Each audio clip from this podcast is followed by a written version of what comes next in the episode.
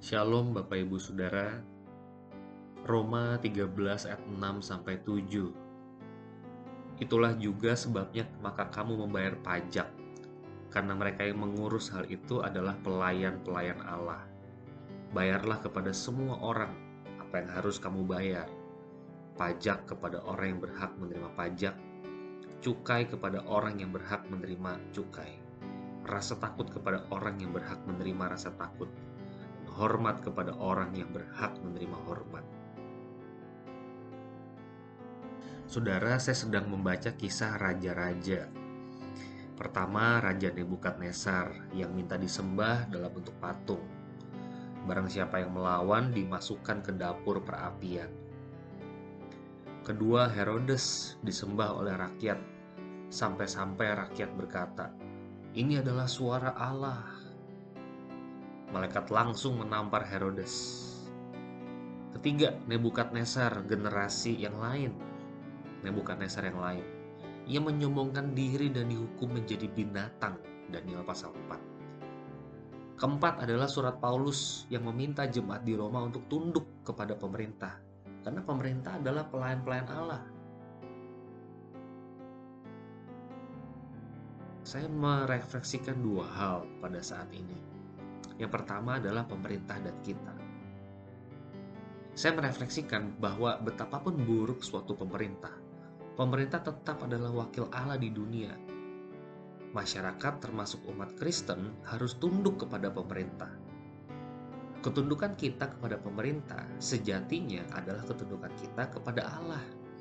Sebab pemerintah adalah pelayan Allah. Hal ini juga menjadi refleksi bagi para pejabat atau pemerintah bahwa mereka sebenarnya bukan pucuk pimpinan tertinggi. Pejabat harus rendah hati. Pejabat harus memikirkan segala sesuatu untuk kesejahteraan rakyatnya. Karena sejatinya bos mereka ialah langsung ke Tuhan. Pemerintah memang berkuasa untuk mengatur, membuat undang-undang, menegakkan keadilan, atau fungsi trias politika di Indonesia otoritas yang besar itu adalah pemberian Tuhan yang tidak boleh disalahgunakan. Penyalahgunaan kekuasaan bukan hanya melanggar hak-hak masyarakat, melainkan melanggar Allah yang berotoritas atas pemerintah.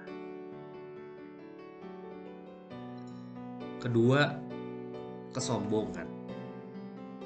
Sebagian besar pendengar renungan ini mungkin bukan pemerintah, tapi meskipun kita tidak pegang kekuasaan, kita tetap berpotensi berperilaku seperti pemerintah. Kita suka dihormati dan dipuji. Kita acap kali lupa bahwa hidup ini bukan tentang kita. Ini tentang Allah. Kita hanyalah pelayan Allah. Kami adalah hamba-hamba yang tidak berguna. Kami hanya melakukan apa yang kami harus lakukan kalau mentalitas kita adalah mentalitas bos, maka di mana pun kita berada, kita akan hidup dalam kesombongan. Meskipun statusnya pendeta, penginjil, penatua, diaken, dan lain sebagainya. Bukankah semua status itu menunjukkan bahwa kita adalah pelayan Allah? Lah pelayan kok sombong?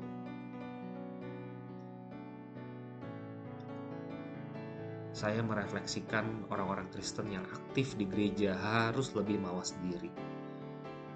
Gereja bisa dianggap kerajaannya. Syukur-syukur tidak ditampar malaikat. Kita harus menyadari bahwa jabatan adalah anugerah. Pelayanan adalah kesempatan. Semuanya itu diberikan kepada kita justru untuk melayani banyak orang, bukan untuk kepentingan pribadi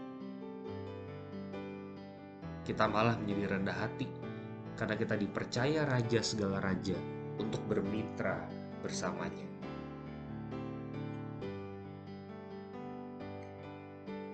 Bapak Surgawi kami mau berdoa buat pemerintah yang saat ini memimpin Presiden Joko Widodo supaya mereka dianugerahkan hati yang takut akan Tuhan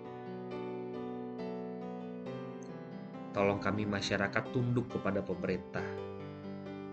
karena kami melihat Engkau ya Tuhan di atas Pak Jokowi. Kami berdoa Tuhan supaya kami para pelayanmu hidup dalam kerendahan hati.